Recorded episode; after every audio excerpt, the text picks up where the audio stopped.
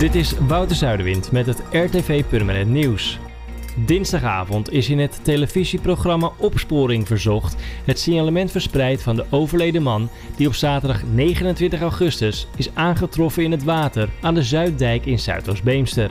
Een wandelaar trof het lichaam aan en had vermoedelijk 1 tot 3 dagen in het water gelegen. Ondanks allerlei onderzoeken in bijvoorbeeld databanken van vermisten is de identiteit van het slachtoffer nog niet bekend. Na de uitzending zijn al meer dan 60 tips bij de politie binnengekomen. Het signalement en wat de man droeg is te bekijken op de site opsporingverzocht.afrotros.nl.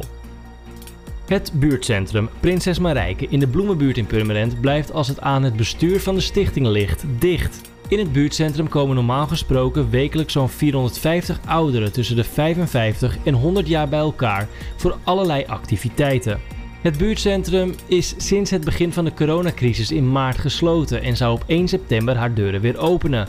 Maar dat gaat niet door, het is te riskant, vertelt voorzitter Kees Mak.